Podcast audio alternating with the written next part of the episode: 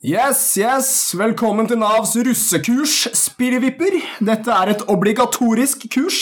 Dere har nå fått utdelt pensum alle sammen, og etter planen skal dere være kvalifiserte russ om bare to uker. Ja, se her har vi en for sentkommer òg, ja. Du får ta og organisere ditt eget opprør. Bedre lykke neste år.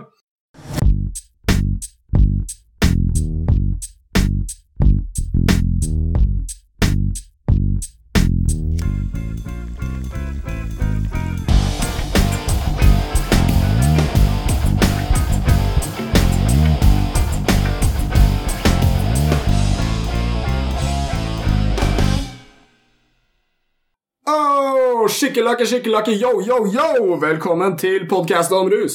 Jeg er Per Ståle Honning. Og jeg er Buffert Fusk, og vi er på nummer 30. Fy faen, vi er gamle. 3-0. 3-0. Så mange episoder har vi laget. Snart når vi er ferdig med denne. Og dere kan høre de 29 andre episodene våre på Soundcloud, iTunes og amerikansk Samoa. Hør helst på de nyeste. Der er vi best. Mm. Ah, yes, dere. Vi skal snakke om rus i dag. Jeg regner med at dere er sykt overrasket. Men det blir mye kultur.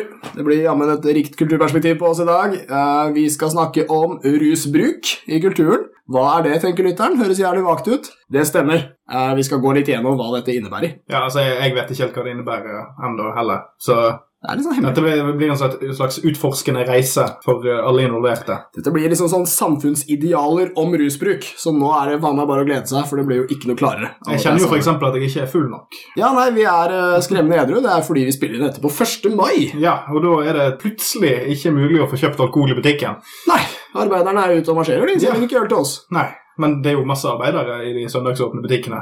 Mm. Eller en slags type arbeidere, en slags underklasse, en paria-klasse. Ja, men uh, ja, nei, ikke noe ølslag på 1. mai. Ja, dem om det. Ah, vi skal ta uh, aktuellspalten vår først. Aktuelt!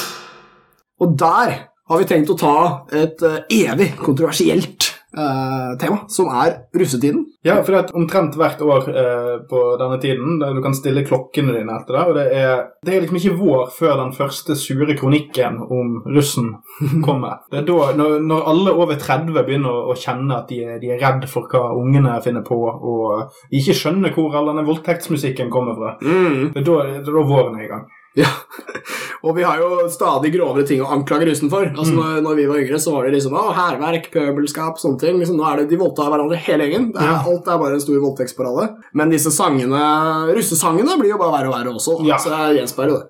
Så det er noe i det. Kanskje? Nei. Nei da. Nei, vi vet ikke. Vi er egentlig litt for gamle til egentlig uh, snakkes veldig mye om realitetene i det, Det de sosiale aspektene. der. Altså, det sånn, denne gjengen her har jo oppført seg ganske bra helt fram til de ble russ. Så da er det jo kanskje noe om, om uh, rammene her. For det, jeg Mm, tror, eh, jeg tror mye av svikten er dette organiserte opprøret. Fordi du kan ikke ha en gjeng, sånn generasjon snill og lydig og mamma kom og tørk. Du kan ikke liksom gå gjennom hele livet opp til du er 18-19 og få alt ordnet for deg, og så plutselig forventes det at du skal chugge ned på 24 øl og oppføre deg skapelig i 24 timer i døgnet i 3-4 uker. Nei, Det- det er sant. We're setting our children up to failure. Ja, helt klart. Og det er ikke russens vei. Nei. Det er ikke det. Virkelig, altså. Det er, altså. For eksempel, da. Nå er jeg veldig gubbete. Det er over ti år siden jeg var russ, og det gjør meg da til en slags pensjonist i russeverden. Det er en rettferdig harme.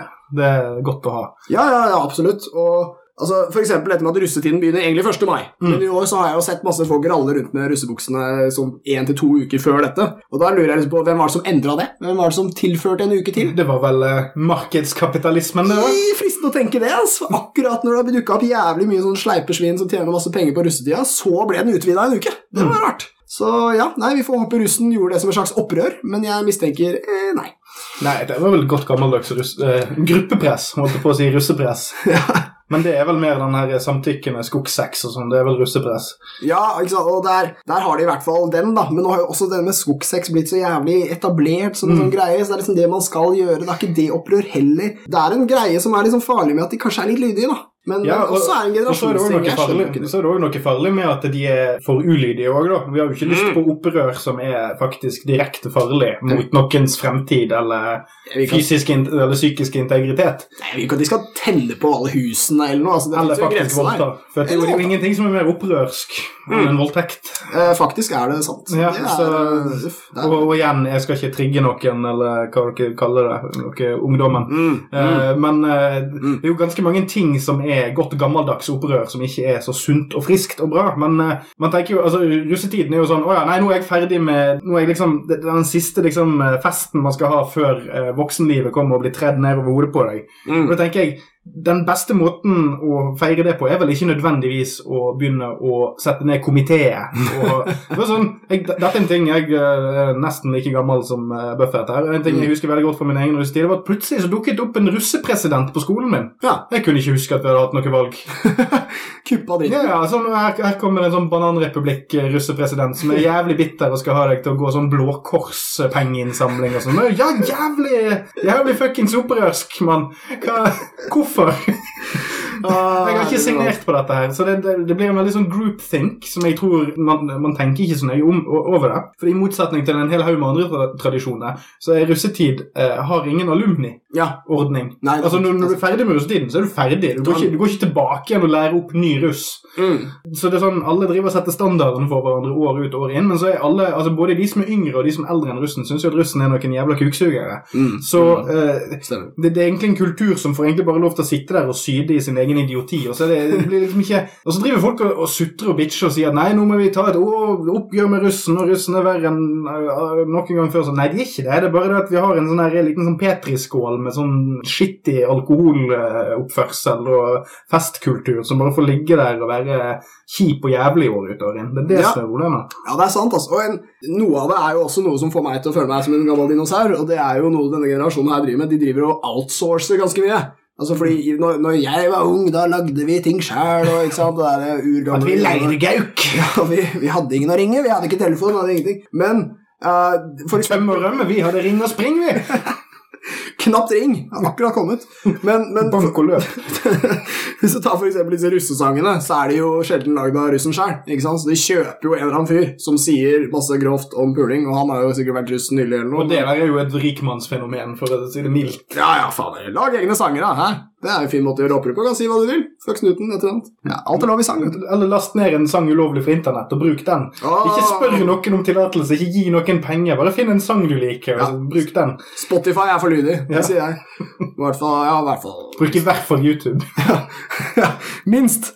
Og så er det jo, Vi har også vært innom og kikka litt på disse russeknutene som er i år, og vi syns de er ganske lame. altså det er Noen av dem er ganske fete, og sånn, men alle seks knutene handler om sykkelsex og sånn. Det er ikke noe gærent med det. Det er ikke det. Det er ikke så veldig opprør heller. Uh, og det var, det var én jeg hang meg opp i. Det var sånn at Du fikk en russeknute hvis du leverte russebilen din på Statens vegvesen. Ja. Og det er jo staten! altså Du gjør som staten sier, så får du knute.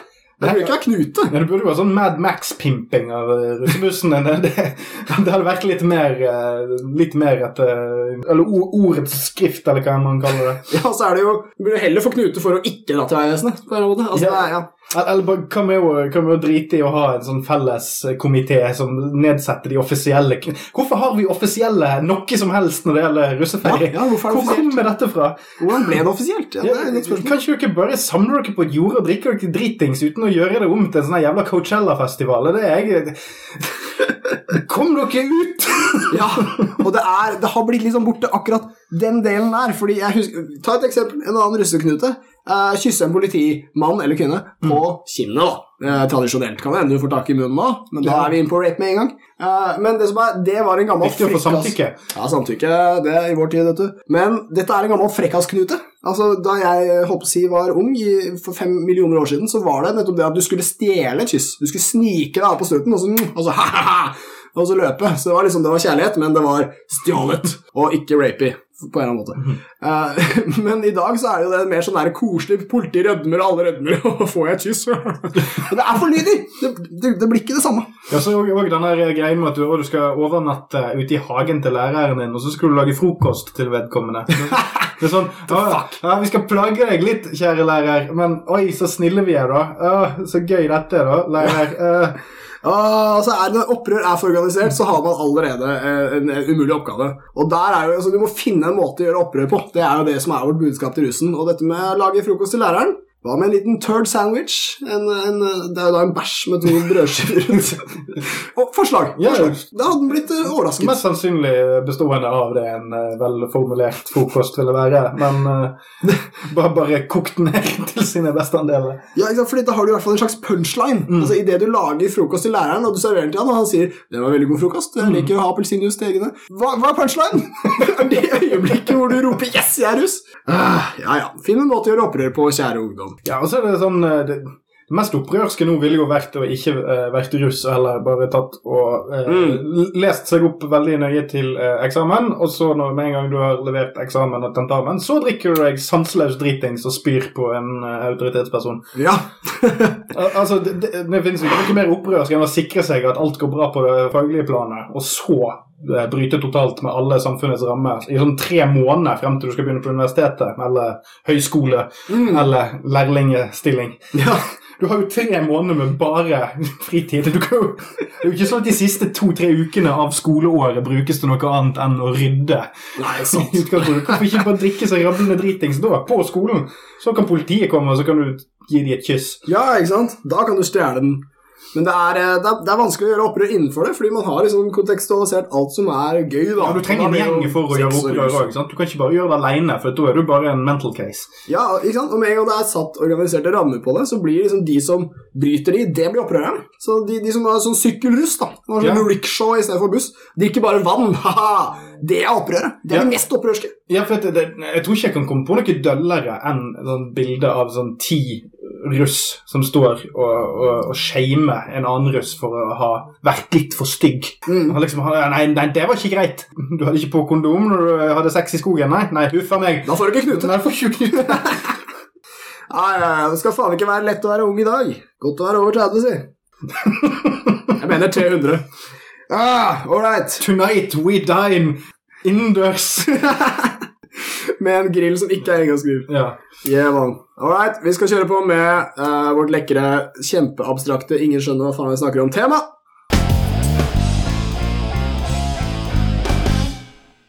Rusbruk i kulturen. Fordi det skal jeg flette sammen med aktuellspalten.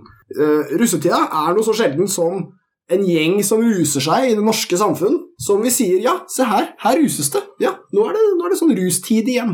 Nå er alle ute og ruser seg litt. Ja, se, han var veldig full, han der. Ja, det, det er fordi han er russ. Så vi, vi har det liksom bakt inn. Men vi tenkte i dag å snakke litt om eh, alkoholmonopolet, som selvfølgelig russen eh, stort sett holder seg innenfor. Jeg, jeg vil uh, faktisk slenge på litt skryt. Jeg må det. Stakkars ungdom. Her blir de dissa av uh, dinosaurene på podkast om rus. Det har vært, etter min erfaring, observasjon, flere narkoreferanser på russebusser og sånn de siste årene. De har weed-blader, og det var sånn LSD-buss, og det var Altså Til vårt forsvar så er ikke det akkurat sånn at jeg tror podkasten om rus blir blastet ut fra noen høyttalere på Tryvann i neste uke uansett. Jeg tror ikke noen rus hører på oss. Men Kanskje, ja. eh, er det noe jeg setter pris på, så er det vage rusreferanser i Mm. enhver form for kultur. Så takk til dere som lagde den der syrebussen. Jeg håper dere ikke ble raida. Det ble det sikkert. Jo, men altså, det, det er jo det jeg tipper når jeg ser de her bussene. Det er jo det at de eh, kjører på med sånne ting fordi at de vet at de ikke kommer til å bli sjekket for det. Det er jo derfor de tør å gjøre det. Ja. Det er jeg tipper. Jeg håper det er. God gammeldags kulturell appropriasjon, dette her.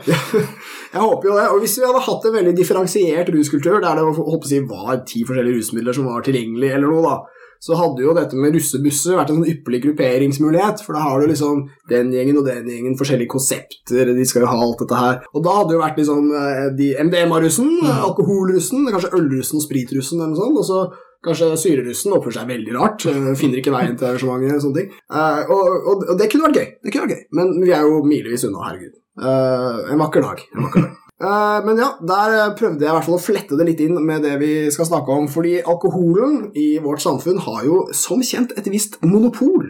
Eh, og i dag skal vi prøve å spinne litt rundt det monopolet og finne ut om vi kanskje burde Kanskje hatt flere rusmidler i samfunnet. Bare en liten, liten brain fart. Ja, det, det tok oss 30 episoder, men jeg håper at denne tvisten her bare virkelig får hodet ditt til å spinne. Og, sånn spoiler alert, da. Ikke, ikke, ikke si dette høyt, i tilfelle kollegaen din ikke har fått med seg episodene ennå. Hvem sa den komme? Ja. Altså, Dette er vår Ned Stark blir halshugget. Oi, spoiler alert. spoiler. 2011 edition. Nei, vi skal, vi skal snakke litt om, um, om dette med alkohol. Uh, fordi vi har jo Vi i Podcast om rus vi er jo veldig glad i uh, det vi kaller for avholdsbevegelsen i Norge. Og de har, uh, Der finnes det ekte totalavholdsfolk. Det fins noen som rett og slett sier 'ikke engang en øl'. Den ekte russen, den tar bare vann. Uh, men det er få av de. Uh, hvis du tar Aktis og andre sånne grupper som vi bare elsker å nevne hele dagen, uh, så er de faktisk veldig De er ikke pro øl, de er veldig kritiske til alkohol, men de vil jo ikke forby alkohol. Så det betyr at de kjemper for på en eller annen måte å beholde uh, alkoholmonopolet. Mm. Altså rusposisjonen i samfunnet. De skal ha én substans. Og uh, det er litt rart. Uh, jeg syns monopol er litt sånn, litt sånn lite 2017-ish. Hvor er markedsfolka når du trenger dem? type greier. Jeg syns den gjengen har, har litt til felles med disse folkene som mener at det er mer enn nok med én religion i Norge.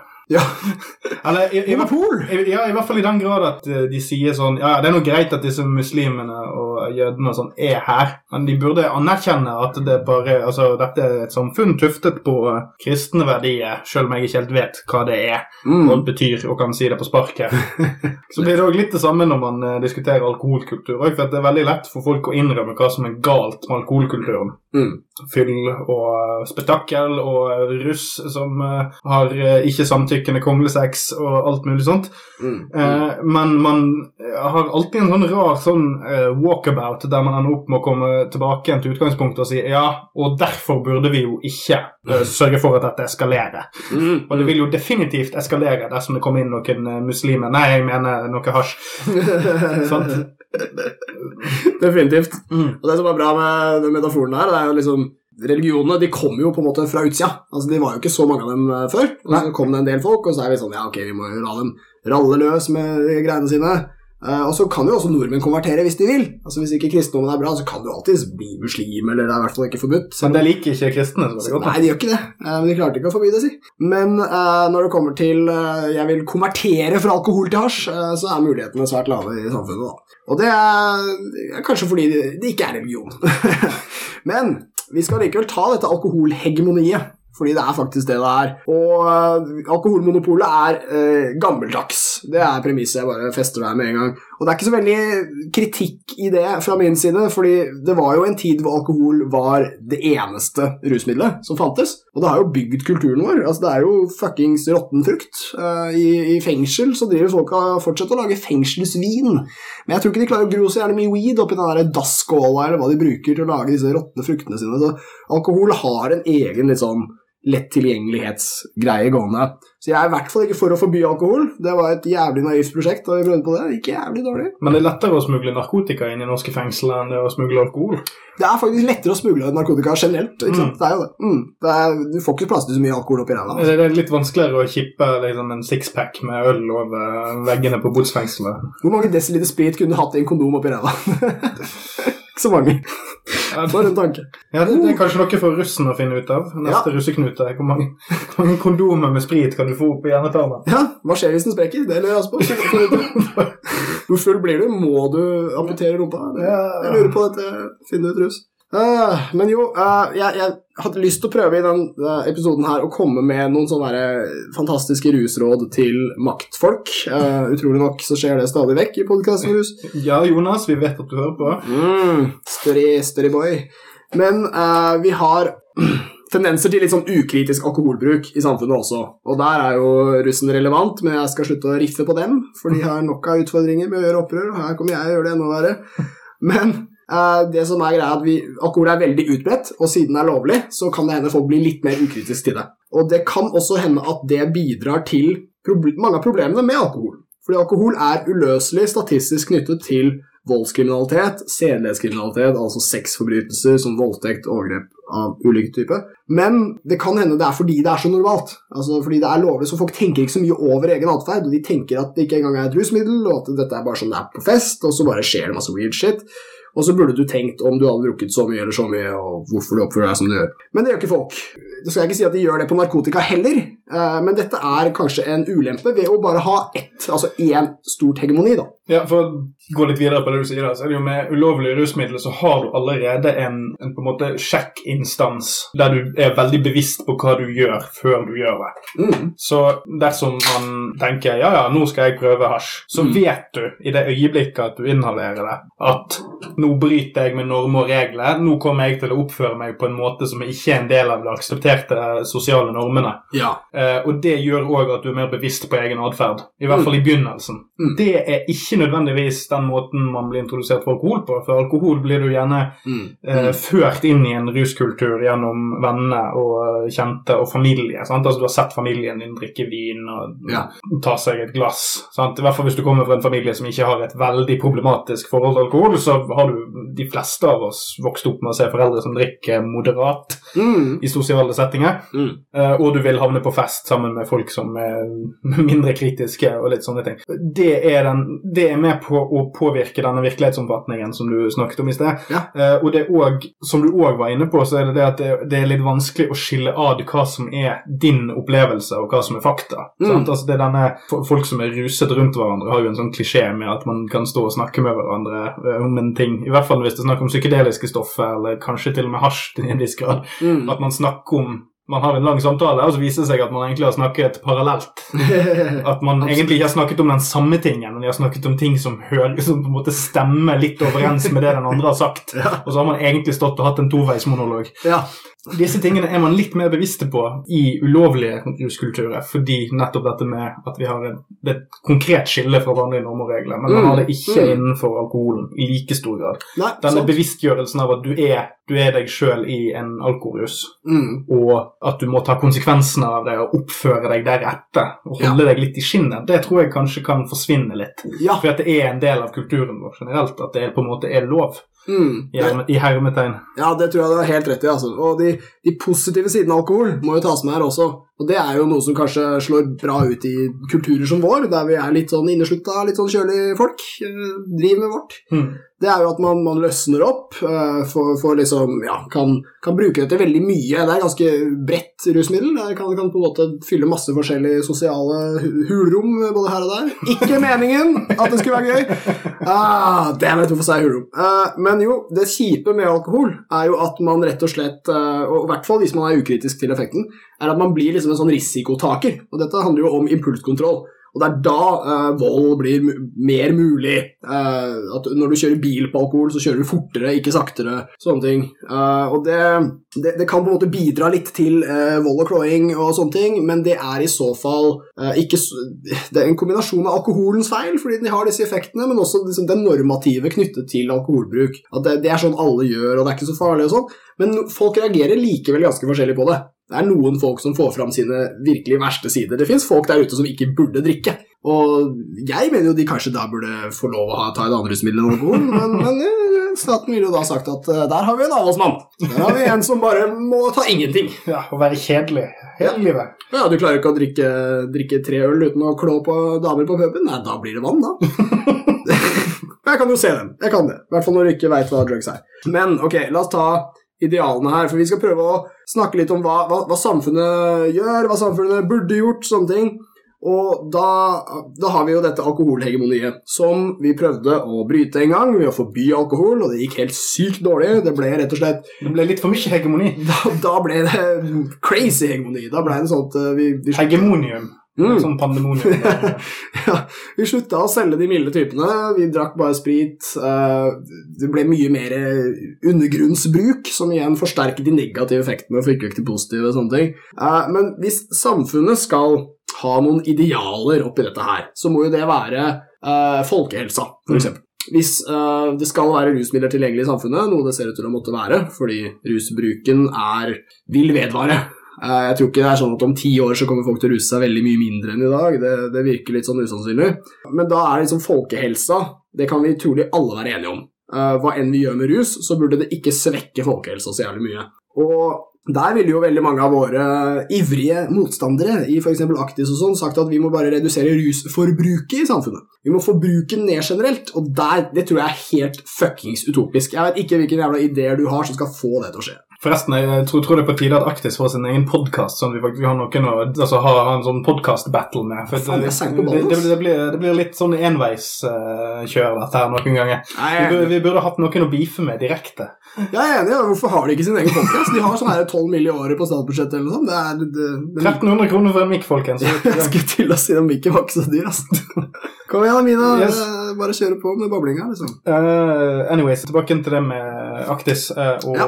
Redusere rusforbruket. Redusere rusforbruket. Boom! For det er litt komplisert, dette med å, å justere Altså dette med folkehelsen. Sant? Altså, hva, hva er den flate raten vår for hva som er god folkehelse? Mm. Altså Er det reduksjon av hjerte- og karsykdom? Altså Nå er det jo Mm, gjerne kols og en del eh, kreftrelaterte ting. og sånn, altså Det er Ja. er livsstilssykdommer som begynner å bygge seg opp her. Sant? Eh, og de kan jo kombineres med rusbruk, men det kan òg kombineres med å være i dårlig form generelt. og en del sånne ting. Så det, det er jævlig vanskelig å fastslå konkret hva slags type rusmidler som kan Altså Du kan ikke behandle rusmidler som en, en, eh, en egen post på det budsjettet. på. Nei, nei, det er vanskelig, det. Det er det. det, er det. Men, men uh, jeg, for å sette opp det skillet der, da, så mener jeg at det, det fins Det er sånn nyanseforskjell, så bear with me. Men å redusere rusforbruket det er noe vi alle skulle gjerne fått til. Men jeg vet ikke helt hvordan vi skulle gjort det. Mm. Uh, fordi folk har eh, ja, I hvert fall nå som vi har internett og sitt.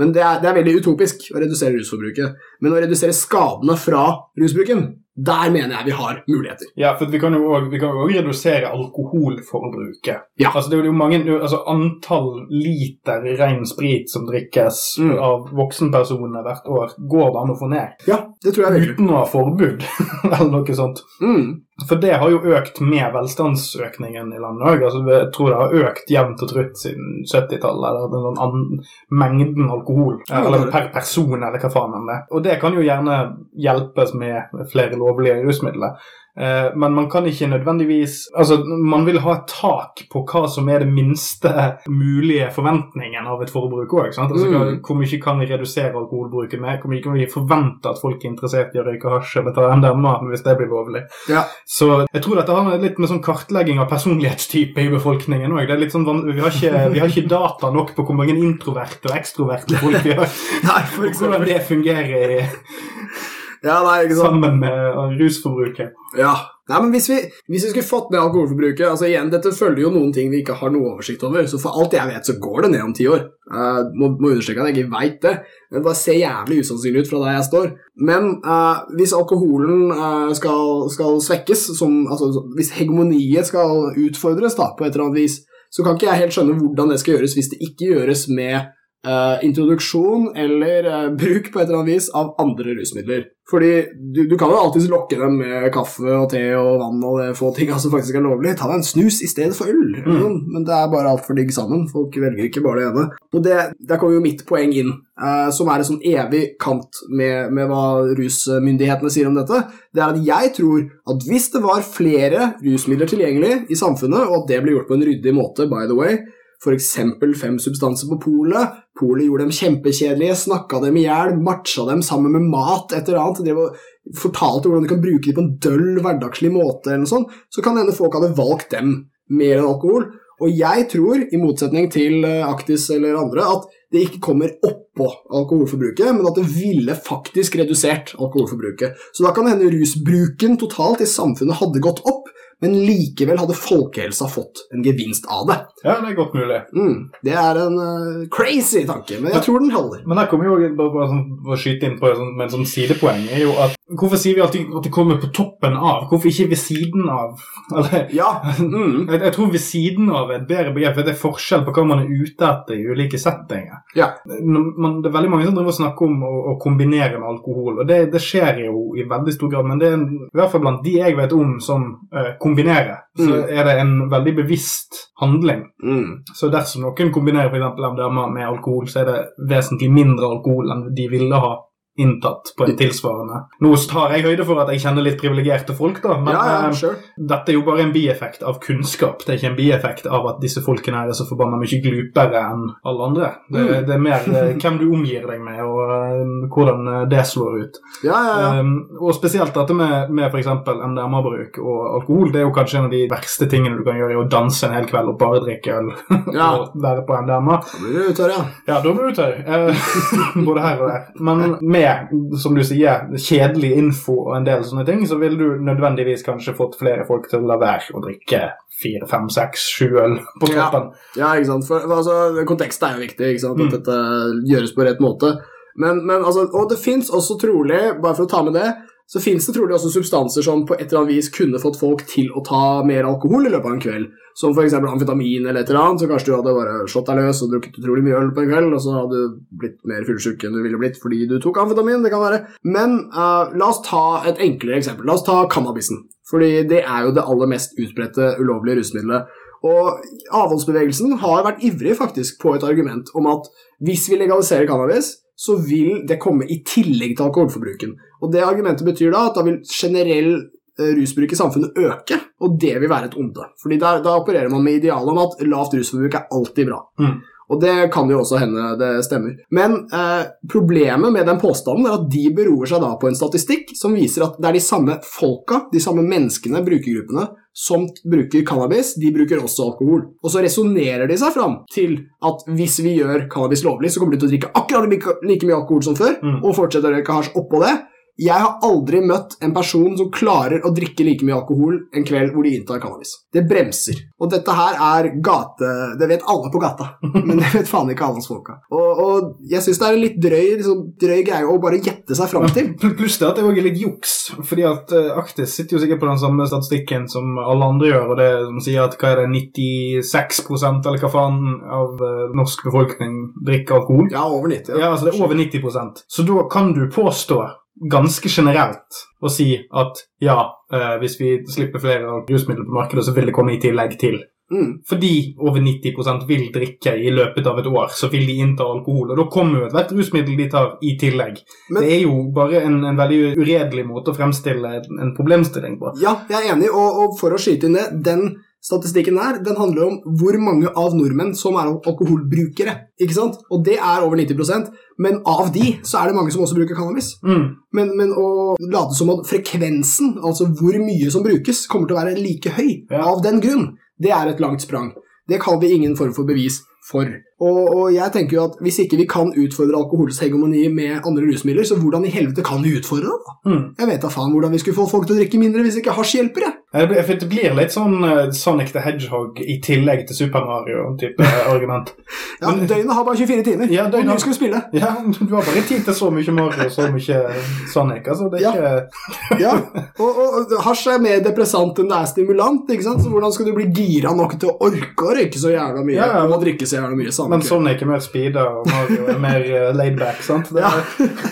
Sonic er definitivt eh, stimulanten her. Uh, men uh, jeg tror virkelig at det kunne bidratt til folkehelsa, som sagt. Mulig kanskje rusbruk hadde gått opp, mens folkehelsa likevel hadde kommet på et bedre sted. Og for å ta et annet eksempel her, noe som, som er der per i dag. Kokain er en vanskelig greie for alle oss som jobber med å, å reformere ruspolitikken. Hva faen skal vi gjøre med kokain? Et underlig rusmiddel evig forknyttet til makt. eh, monopolisert ved å bare gro ett sted på kloden. Rike mennesker har det. eh, du må flytte det, du må kjenne noen. Og folk bruker det sammen med alkohol. ja, og trenger vi eh, om 20 år folk som skriver kronikk med tittelen 'Vi må snakke om kokain'? vi vil jo Ah, ikke dit. Men det er, det er en kjensgjerning. eh, ikke så veldig statistisk belagt, dessverre, for ingen har forska så mye på det. ingen bryr seg, Men for folk som er på byen og ser fylla, og som veit litt mer om alternativ ruskultur, så vet vi at kokain er på byen. Eh, hvor er det kokain brukes i samfunnet? Det er jo kanskje på dassene på si, børser og Stortinget og maktinstitusjoner. Men ellers så handler det mye om utelivet. Det er rett og slett en substans som veldig mange alkoholbrukere tar mens de er ute. Og den tar de for å kontrollere alkoholbruken sin, eller så tar de den for å rett og slett gjøre det samme som de gjør på alkohol, nemlig bli på hugget, kose seg, liksom bli Være inspirert. tøff og dominant. Tøff og dominant, alle disse macho-greiene som passer så jævlig bra på byen. Mm. Hvor du rett og slett, og Det å vise svakhet og sånn er bare tullete. Altså Byen er jævla kjøttmarked. Der skal vi vise oss norske. Ja, og, og det, er jo, det er jo kanskje en av de altså Kjøttmarkedet er jo en av de mest usikre markedene. Altså jo De folkene som bryr seg mest om å få fitte slash eh, kuk på byen, Ja. er jo òg de folkene som mest, tenker mest på hvor utrolig lame det er om de ikke får fitte Mm. slash kuk i løpet av den kvelden. Vet du, når du, når liksom, du har brukt hele fredagskvelden på å bare liksom lade opp til at det skal bli puling, så, sitter du der etter stengetid og bare Nei, det blir ikke, det ikke puling i dag. Ah. Det er mye verre enn hvis puling kommer som en sånn bieffekt av å bare være kul på byen. Ja, absolutt. Og det er en del av det. Altså, Mm. Det er en del av den samme pakka. Og For å ta tilbake til, til spørsmålet kan alkoholens hegemoni utfordres i det hele tatt, så, så kanskje svaret er ja, kanskje svaret er nei, kanskje svaret er drugs, kanskje svaret er vann eller moral eller noe sånt. Men hvis du skal prøve å få kokainbruken ned, da, så, så vil jeg gjerne vite noen andre råd enn det vi har da med å introdusere andre substanser, som er mitt fantastisk veldig smarte råd. Eh, men, men alkohol og kokain er allerede kombinert. De nyttes på samme arenaer, kanskje ikke alltid av samme mennesker, men i visse miljøer er det enormt utbredt. Og kokain er veldig skadelig. Mm. Og det er også, som nevnt, utbredt. Politiet i Oslo hadde for noen år siden en aksjon som het Hvit snø. Ikke gi aksjonen dine kule navn. Det er jævlig corny, og når du prøver å være kule, så blir det helt dust. Ja, ja, altså, ja. Kall det eh, opprydning i melskap. Altså, Operasjon ikke noe mel! Skille Clinton fra hveten. Men, men det, en av de tingene de gjorde da, fordi med en gang de, de skal starte sånn, så blir vi jo veldig inspirerte og tenker hva hva skal de gjøre, hvilke virkemidler har de tilgjengelige? Og det de gjorde da, var blant annet, og dette var kanskje det mest sentrale de gjorde òg, altså de begynte jo å se folk i øya, begynte å bli veldig mer sånn sosialt kritisk, sånn som vi alle elsker når vi er på byen. Hvem elsker vel ikke å bli glodd på og mistenkeliggjort? Men de fjerna dosetene på dassene. Og dette er eh, Hvis du er kokainbruker, kommer en svær pose inn i båsen, og så er det ikke dosete, så tenker du nei, da blir det kokainfri kveld. Da får jeg vel gi meg. Mitt kongerike for en flate. De hadde gått rett ned på det pissebefengte gulvet og sniffa det der. Ja, men Har ikke politiet hørt om nøkkelknippet? Altså, de- Nøkler har folk også. De kan funke som en slags skje. Vi er ikke her for å gi tips. jeg, jeg, tror, eh, jeg tror moralen her er at eh, har du først fått med deg en grabber med kokain ute på byen, så får du den i deg på et eller annet slags vis. Ja. Det, er ikke, det er ikke noe som lar seg begrense av. Du gjør jo bare, altså, du gjør det jo bare kjipere for alle andre å fjerne dolokkene. Kanskje Tenk så mange folk som har lyst til å bare sette seg ned og grine litt. Ja, right. Og bare æsj, piss overalt. Ja, liksom, med kvinner og altså. Det er voldsomt uh, hensynsløst. Men, men i og med altså, det, det, er så jævlig bra symbolikk i det å bare fjerne dosetene og tenke at det kanskje vil hjelpe. Kan ikke skade på et eller annet vis. Er det alt vi har? Altså, fordi kokain er på byen. Det er med fylla. Hvordan skal vi bli kvitt det? Er, det er da min mulighet med å introdusere andre substanser som kanskje er like fete som kokain for brukeren, men mindre helseskadelige, de virker jo mye mer virkningsfulle enn å fjerne dosettet, f.eks. Ja, for det, det, det, kokainbruk er nok noe som repliserer seg, eller reproduserer seg i eh, en del eh, sosiale grupper, Mm. som ikke nødvendigvis trenger å være en regel. Mm. Eh, at, at kokain oppfyller en del ting. Altså, det er ikke nødvendigvis sånn at den gruppen som er faste brukere nå, må være det.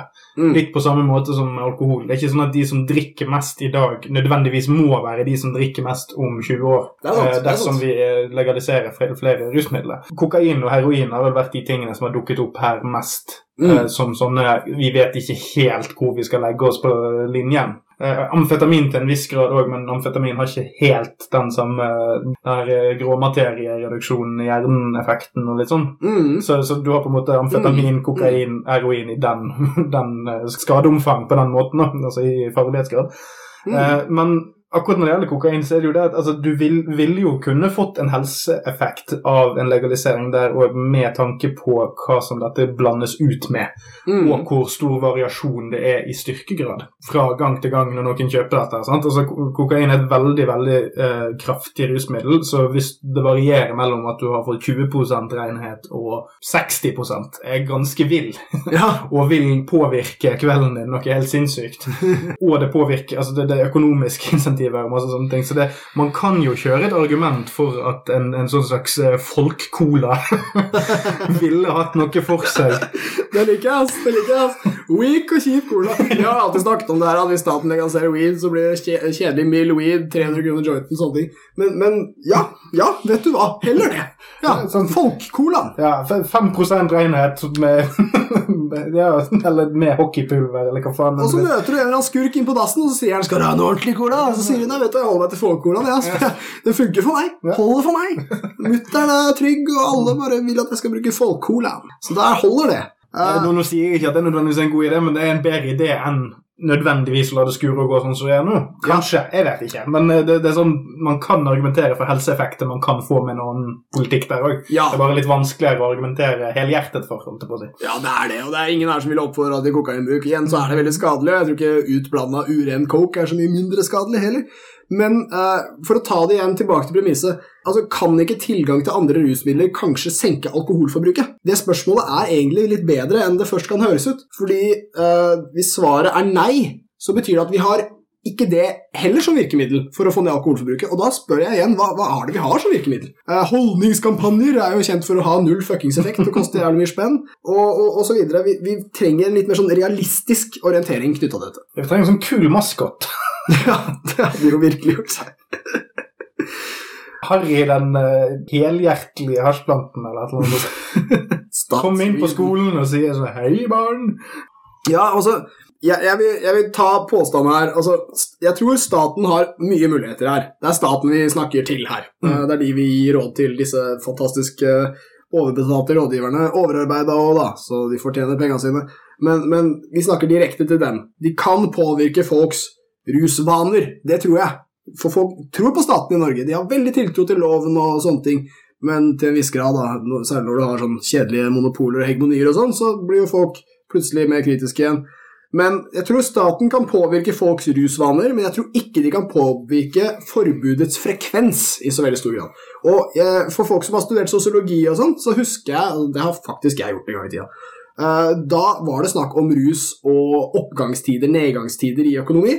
Og det, vi, det som ble påpekt da, det var at rus var en veldig vanskelig ting, og det er alkohol det er snakk om her, for det er så lett målbart. Eh, det var altså når, når det er økonomisk nedgangstid, så øker alkoholforbruket.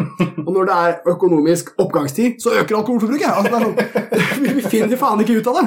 Hvordan få kontroll på frekvensen, altså mengdene som brukes. Veit da faen. Må ha det sånn akkurat passe. må vi ha det. Ja, Ikke for bra, ikke for dårlig. Det er alltid noen som begynner å drikke mer, uansett hva faen som skjer. Og igjen, eh, alkohol er et skadelig rusmiddel. Eh, det er også en, en side ved dette som selvfølgelig ikke kommer til å bli diskutert av avholdsbevegelsen, eller noe sånt, men det er veldig mange rusmidler av de ulovlige, selvsagt, for det er det de er, som er mindre helseskadelig enn alkohol er. Og da snakker jeg om vanlig bruk, vanlig dosering, sånne ting. Tar du for mye, så begynner vi å snakke problemer osv. Men i, i den samme konteksten så er jo alkohol eldre enn disse. Altså, Veldig mange av de moderne rusmidlene de kommer fra liksom, kjemiens eh, fremvekst. ikke sant? Altså, Vi snakker fra 1900-tallet og utover. Og Derfor fremstår alkoholhegemoniet som utrolig gammeldags. ikke sant? Fordi det er både den tingen vi alle gjør, og en jævlig skadelig ting. Så, så hvordan, hvordan få det ned uten å bruke de andre verktøyene i verktøykassa, som egentlig da er narkotikalista? Der er det sånn 200 forskjellige rusmidler. Noen av de er mer attraktive enn andre, noen av de er mer utbredt enn andre. Og av de så finner du også mange som er mindre skadelige enn alkohol. Som er mindre knytta til vold og sedelighetskriminalitet enn alkohol er. Så, så det å ikke bruke dem, det å si at det ikke er verktøy for å oppnå det målet som er folkehelse, det virker for meg helt absurd. Ja, bare, bare, bare sånn for å, for å gjøre dette mer tilgjengelig for folk, da. Ok, Skal vi ta et lite eksempel fra wrestling. perfekt. I wrestling sant, så sånn man, eh, der har man eh, gjerne sånn Du har noen gjenger som driver og krangler om et sånt verdensmesterbelte. ja, Og så er det sånn, i ny og ne så skjer det jo gjerne sånn at du har sånne tag team matches og sånn, der du har liksom the good guys mot the bad guys. Og, og så Mm. plutselig Å nei! Nå ser det ut som at, at the bad guys driver og holder på å vinne. Og nå kan det jo hende at de blir verdensmestere i wrestling, og det er jo helt forferdelig. Sånn? Men så, så er det noe som kalles i wrestling som heter en heel turn. Det, det er rett og slett at noen snur eh, sin uh, allegiance. Og da er det gjerne sånn, å, Noe av det kuleste som skjer, er at en av skurkene bare snur seg og plutselig slår til en av sine egne skurkekompiser. Og bare 'Å, å, han har blitt snill!' Eller eventuelt sånn Hulk, Hulk Hogan har blitt slem! Han har blitt en skurk! Sant? Og det er litt, litt det vi snakker om her i Ja, ja, ja. Altså sånn, ok, Hva er målet vårt? Prøve å redusere alkoholforbruk og gjøre folkehelsen litt bedre. Kanskje noen av skurkene kan være litt kule? ja. At de kan komme inn og banke opp alkoholen litt. ja. Litt badass. Åh, det er nydelig. På en sånn koselig måte. Og det du har gjort, er å rive ned veggene Ja. mellom disse formatene. Ja. Det er to gjenger, Du og var min- plutselig så blander det seg. Ja, du var min fiende. Men nå, nå er vi venner. Oh, det er- den er fin, altså. Det er en god parallell. Fordi vi kan dra et annet poeng inn i det. Og det er altså øh, Nordmenn, øh, og sikkert øh, alle folk som er skeptiske til rus, de har et vanskelig forhold til det som heter blandingsbruk. Eh, det er litt sånn derre Én ting er å være rusbruker, altså selv alternativ, men hvis du driver og blander da er du litt ekstra ute å kjøre. Og, er sånn, og du er ikke purist, så du tar heroin og amfetamin, sier du? Blandingsmisbruket. Ja, og da er det alltid en, en miss som slenges foran bruker hvis det er blanding. Men, eh, men i dette tilfellet her så, så snakker vi om at det kanskje kan være nettopp det virkemidlet vi etterlyste. Fordi alkohol uh, er eh, faktisk skadeligere jo mer du tar av det. Mm. Og enhver ting som kunne redusert det forbruket litt La oss si at du da tar et rusmiddel som ikke er så tungt på f.eks. lever og nyrer, da, sånn som alkohol er, så ville du da aktivt spart leveren litt den kvelden. Altså, Ta cannabis eller noe, hvis du får vondt i lunga eller huet, eller hva faen du får, så, så er det i hvert fall ikke samme sted som alkoholen skader deg. Så kanskje hangoveren blir mindre, og helseskadene, og folkehelsa, og alt det der. Så, så blandingsbruk kan være litt bedre enn sitt rykte. Muligens. Men det spørs jo da på hva. Og så må vi også ta litt høyde for at folk er jævlig forskjellige. Så sånn oppskrifter som at hvis du tar hasj og alkohol samtidig, så skjer det og det, det er ikke helt sikkert det skjer. For folk Nei, er litt- så jævlig forskjellige. Litt sånn som den her eh, vin før øl eh, blir bøll, eller hva faen det sier. Ikke? Krøll! Ja, men hva Jeg vet da. Jeg har aldri skjønt den her greien der, og jeg kommer aldri til å Øl før vin blir fin? Hva, eller hva Blir det fin, da? Nei, jeg, jeg, jeg vet jo ikke hva som er hva her. Så det, alle sånne her forsøk på sånne rusvettregler som går på rim, kan du i hvert fall hive ut av vinduet. Ja, ja, ja, faen Jeg, jeg, jeg, det er noen som har prøvd å forklare meg hva greien der skal være, men jeg har aldri skjønt det. Nei. Nei, og, men det, jeg syns de er søte. da, altså Rim har jo sånn voldsomt gjennomslag hos folk. altså Hvis du sier et budskap uten rim, og, og så sier du det på rim etterpå, så er folk mye mer enig hvis det rimer og sånn. Så det har en veldig sånn enorm appell. Men det vi egentlig trenger, er jo å ha flere ruskulturer inni ruskulturen. Mm. For per i dag så er det alkoholkultur som er ruskulturen, og så har du de andre slampene som øh, tar ting og henger på gata og ser, ser ikke bra ut og burde drukket mer. Og... Mens alkisene de henger jo på puber, de har en slags sted å være. De har en arena, og ingen syns de er kule. Men hvis vi sammenligner med Nederland, da, som hadde sånn budskap de var så glad i å fremme i FN år etter år, og det var 'Vi har lykkes med å gjøre pott kjedelig'. Og Det synes jeg er et sånn kult eh, perspektiv, fordi dette er det som holder ungdomsbruken av cannabis lav i Nederland, ifølge dem selv. Da. Det er at vi vet så mye om bruk at vi har en kultur der det ikke er så veldig kult å gjøre det. Han som røyker for mye weed, henger for mye på coffeeshop, han er helt lik alkoholikeren som henger for mye på pub. Mm. Vi veit hvem han er, vi kjenner et par sånne Det er ikke kult, det er ikke opprør lenger. Nei. Vi har bare tatt det ut av det. Og det, det har oppstått som følge av en kultur vi har bygget rundt cannabis. Eh, og den kulturen, den, den har vi ikke i Norge. Eh, I så fall så har vi den undergrunn. Vi har den ulovlig. Og da, da når den bare ikke ut til folk. Altså. Ja, men jeg, jeg tror òg det at uh, problemet med f.eks. Å, å argumentere ut ifra å skulle ha en slags nederlandsmodell for cannabis i Norge, er Mm. det at den eneste måten vi i debatten kan fremstille det på, er at uh, vi ser bare hvordan nordmenn som drar til Nederland, oppfører seg på coffeeshops. Og nordmenn som drar til Nederland for å bruke coffeeshops, syns jo at coffeeshops er det kuleste i hele verden.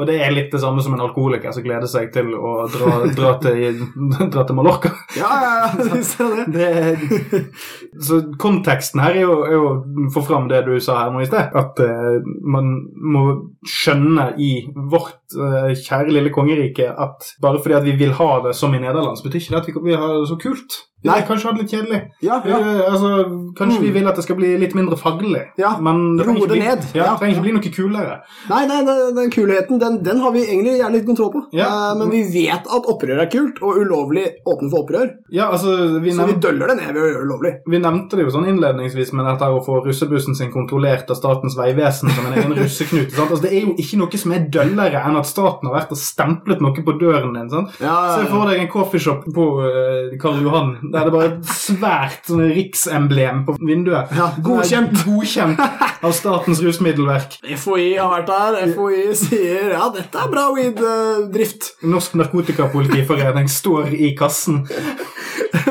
og det er akkurat denne døllifiseringen uh, vi tar til orde for her, faktisk. Uh, og jeg, jeg står på det. Jeg tror faktisk det er, det er konsekvent at uh, lovlig er døllere enn ulovlig, og, og at det faktisk er det vi er ute etter her. Vi, vi vil ha det kjedeligere. Men jeg vil gjerne si rent historisk òg at det, som sagt så er alkoholkulturen har vært her lengst. Det, det, vi, vi, har sterke tradisjoner for det. Vi, lange røtter. Eh, veldig godt ordspråk. Men eh, senere da så kom de andre kulturene, og i nor norsk sammenheng, her oppe på berget, så tar det jo litt tid før ting kommer. Og vi har først nylig fått uh, det jeg ville kalt for alternative ruskulturer. Og de er selvfølgelig uhyre små. Uh, cannabisbruk har blitt kanskje mer utbredt, kanskje litt flere muligheter innenfor det, men det er fortsatt veldig undergrunn. Det samme gjelder det beste eksempelet, som er elektronisk musikk-folka. Uh, MDMA-kulturen, uh, eller hva jeg skal kalle det. Det er, det er andre ting der òg. Det er amfetamin, og det er uh, 2CB og gud veit hva. Men det som er greia med en gang disse kulturene oppretter seg, så har statsmyndighetene de har muligheter med en gang. Og, fordi kultur er bare en gjeng med folk som er veldig opptatt av det. Og hva de syns om fenomenet, vil påvirke. Uh, og i mange land så har jo politi og myndigheter andre vært veldig smarte da, med å til en viss grad samarbeide med disse kulturene. Altså De kan redusere skader hvis de brukes rett. Plant skadereduksjon som et element i disse kulturene, og så ser du etterpå at skadene vil gå ned.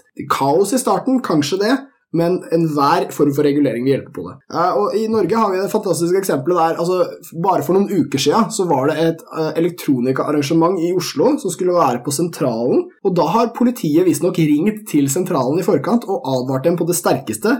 Ikke nektet dem, å nei da, bare veldig mye sånn cirka, uh, at de burde ikke ha dette arrangementet, for der vil det komme folk som kommer til å bruke narkotika. og dette er primært snakk om MDMA, og jeg må bare først og fremst understreke både det at det er mindre knyttet til voldskriminalitet, ordensforstyrrelser og den slags. Gud forby at Oslo-politiet måtte rapportere på Twitter at det ble registrert opptil flere tilfeller av røff klemming på sentralen. Ja, og, og hvis du spør dem hvorfor det er gærent, så vil de snakke om at du, du ser det. Altså, du, Hvis du kommer dit, så ser du masse gærne folk med svære øyne og sånn. Hmm. Men hva faen er det fylla gjør, da? Det er jo dritsynlig. Det er jo akkurat like synlig. Folk sjangler og stinker. Ja, ja, så, så, akkurat den synlighetsgreia det, det, er ikke sånn samfunnet mista uskylden sin ved at uh, rus ble synlig. Nei, og, og, det er jo ikke så veldig farlig at det er synlig at folk er ruset, så lenge de er for synlig der arrangementet er. For ja. er jo, altså, Hvis folk går på et arrangement som det blir servert rusmidler på, så syns jeg det er litt rart at de reagerer på at folk er ruset. Ja, på arrangementet. Ja, absolutt. Og, og, verdt å nevne her at vi, vi, er jo i Europa, selv om vi bor oppe på en eh, fjellknaus. Og vi har MDMA, da. Er forbudt i alle land i Europa. Det er ingen land hvor det er lov. Men i de fleste land så finner du situasjoner der politiet lar det gå, da, til en eller annen grad. De, de, kommer på arrangementet i Nederland, f.eks. Der er det masse, det er jo et sånt tolerant land som igjen er et godt eksempel. Uh, men politiet vet jo hvor utrolig mye narko, og de ser jo også de rusa gigantiske øynene, liksom. Men de tar ikke så mye tak før ordensproblemene oppstår. Da kommer de inn. Og det de gjør da, de heller bruker kulturens representanter til å holde skadenivået nede. Uh, og hvis ikke vi gjør det i Norge, så har vi på en måte mistet muligheten til det, for det første. Men det blir ekstra parodisk også, da, når politiet bader i en jungel av fulle mennesker som spyr på buksa deres og slåss med hverandre og klår på rumpene deres for å finne folk med store øyne i den jungelen av drita folk. Da, da, fremstår det hele litt sånn lite viktig. Altså, Hvis målet var å bli kvitt det synlige, så har vi allerede en veldig gigantisk jobb å gjøre. Ja, for Det der har vært en kjepphest for min del på en del utesteder når det gjelder f.eks. det å kaste ut de som bruker e-sigaretter. For. Fordi at det kan jo være narkotika på de. Ja. Eh, det, jeg, har, jeg, har, aldri hørt et argument om brannvarsler og den slags. Eh, men det, det morsomme er jo at det er jo den gjengen som er de som er lettest å se. Mm. Så hvis du ser en fyr med e-sigarett, så er det sånn Ok, der er han. Ja. hvis han ikke oppfører seg, så finner du ham veldig lett. Ja. For det, De som tiltrekker seg oppmerksomhet, det er ikke de du bør kikke etter. Det er ikke de som er farlige på de stedene der. Nei, ikke sant? Det, da, altså, sånn, selvfølgelig Begynner du å slåss, så tiltrekker du deg negativ oppmerksomhet. Men altså, sånn, de folkene som er synlige i landskapet allerede, er ikke de du bør bekymre deg mest for. Det er ikke de som uh... Nei, ikke sant? Altså, hvis det var brannvarsleren som var argumentet, så var det bra argument. Uh, det var, men, men, det er så inderlig symbolsk argumentasjon. Det handler rett og slett om at uh, det kan være noe annet i den e-siggen. Vi har bare ikke kontroll på det, så derfor sier vi heller fuck hele dingsen. Jeg skulle gjerne hatt én jævla vakt jeg, som bare sa du har e-sigg, blås en sky i trynet på meg, da! Hva skal jeg lukte? Det er greit. Jordbær, det er greit. Altså, hvis ikke det lukter heroin eller fucking hasj eller noe sånt, så må det være greit, da. Ja, nå, er, nå er det riktignok en del steder som tillater det, men eh, sånn spesielt sånn konsertarenaer og sånt som er helt fucka absurd, skal være sånn. Altså når du Å nei, du, du hindrer sikten for folk bak deg. Å ja, sorry, det var så ikke det på grunn av røykmaskinene. Ja, og igjen så er det Det gjør det jævlig teit, altså. Men igjen så er det en sånn ordenssymbolikk som er greia. Akkurat som med MDMA. Hvorfor skal vi ikke ha steder i Oslo hvor vi til en viss grad tolererer MDMA-bruk? Og så spør du politiet. er fordi det er så jævla synlig. Ikke sant? At de liksom de raller rundt i gatene og er mongo, og naboene blir redde, eller et eller annet. Men, men det samme med, med e-sig. Eh, hvorfor skal jeg ikke få lov å dampe inn på en jævla konsert? Nei, det er fordi det er så jævlig synlig. på en eller annen måte. Ja, men det er jo røykmaskin! Ja, men det er jo masse drita folk! Altså, Alt er jo synlig fra før! Ja, Så hva, hva er så gærent? tok ikke han fyren med cowboyhatt? Ja, ikke sant? Og det, gang på gang er vi litt lite kritiske til alkohol, og litt vel kritiske til alt som ikke er alkohol. Mm. Uh, og denne skjevheten her, den må bare, sånn jeg forstår det, medføre mer alkoholskader. Mer alkoholbruk, kanskje, men definitivt skader. Folk kommer til å bruke alkohol på mer uvettig bruk. De kommer til å tro det er et skille mellom alkohol og andre rusmidler, noe som gjør alkohol til et sunnere rusmiddel enn de andre, og det er jo bare ikke sant. Alkohol er uhyre skadelig, folkens. Jeg syns alkohol er konge sjøl. Sitter der og nipper på en nydelig pale ale as we speak. Men det er jo faen ikke til å komme vekk fra at det her skader noe så jævlig. Så uh, enhver differensiering av det skadepotensialet det ville vært godt for folkehelsa. Og da blir det ikke så jævlig viktig hvor ofte folk gjør ditt og datt. Det viktigste, eller hvem som gjør det, antall prosent, hvem som er hasjfolka, hvem som er alkoholfolka. Rusbruk er helt perifer faktor når vi skal kontrollere russkader. Jeg driter i om folk ruser seg annenhver dag, annenhver time, annethvert år, så lenge skadene er lave. Det er egentlig det viktigste. Og der er det eneste stedet vi også har fuckings eh, påvirkningsmulighet i samfunnet, er rett og slett på det. Vi kan påvirke hvordan folk ruser seg, men ikke hvor mye. Eller hvor ofte. Sånne ting. Det ser ikke ut til å funke i det hele tatt. Jeg vet ikke faen hva du skulle gjort med det. Hvilken, hvilken politisk figur som skulle kommet inn, skåret gjennom og fått nordmenn til å drikke bare én gang i uka. Er det Knut Arild Hareide som skal gjøre det? Måtte vel blitt en slags sånn Mossa-figur. Kom inn og avbryte Tande P for å Eller, eller han, der, han der fyren med bart som har det der Tidsbonanza-programmet på lørdagen nå. Hvem var det? Nei, han, han var Stjernekamp-fyren. Ja, ja, ja, han er eh, gamle Han, Ja. han mimreren. Ja. Hva faen er han heter? Nei, nei, men du måtte hatt Mossa eller, eller Lisa Tønne med den der jævla Ali Reza. Ja, det er faen meg beste måten å få noen til å slutte å, å ruse seg på sånn generelt her i landet, er å få inn Lisa Tønne som Ali Reza midt i primetime på NRK på lørdagene, og så si sånn på den der skikkelig skikkelig sånn kebab-greien sin sånn her, Vet du hva? Jeg er Ali Reza, jeg er Lisa Tønne, jeg ruser meg på alt hele tiden, og det er dritgøy! Det ikke en kjeft som ville synes det var kult. Det er det dølleste, Lisa Tønne er den dølleste komikeren i Norge, og Ali Reza den dølleste revyfiguren i hele Norge. Bare ta det med på det dølleste programmet på den dølleste kanalen. Og bare, ja, Men shit, man, når du snakker, ville gjort det. når du snakker om Lisa Tønne, hun har jo faen meg en podcast som er 10 000 ganger så populær som vår, og der sitter de bare og snakker rett fra leveren, så hvis hun sa det der, Ja, ikke, ikke i karakter, så var det noe helt annet. Ja, ja, det er masse dølle folk som trenger å skjerpe seg her i landet. Så Ja, i og med at eksempel en podkast er mye mer populær enn vår. Det er ja, kjempedølt. Det- Eh, men jo, uh, da kan vi ta Bare for å rappe opp den driten der. Altså, monopol i 2017? Spørsmålstegn, utropstegn.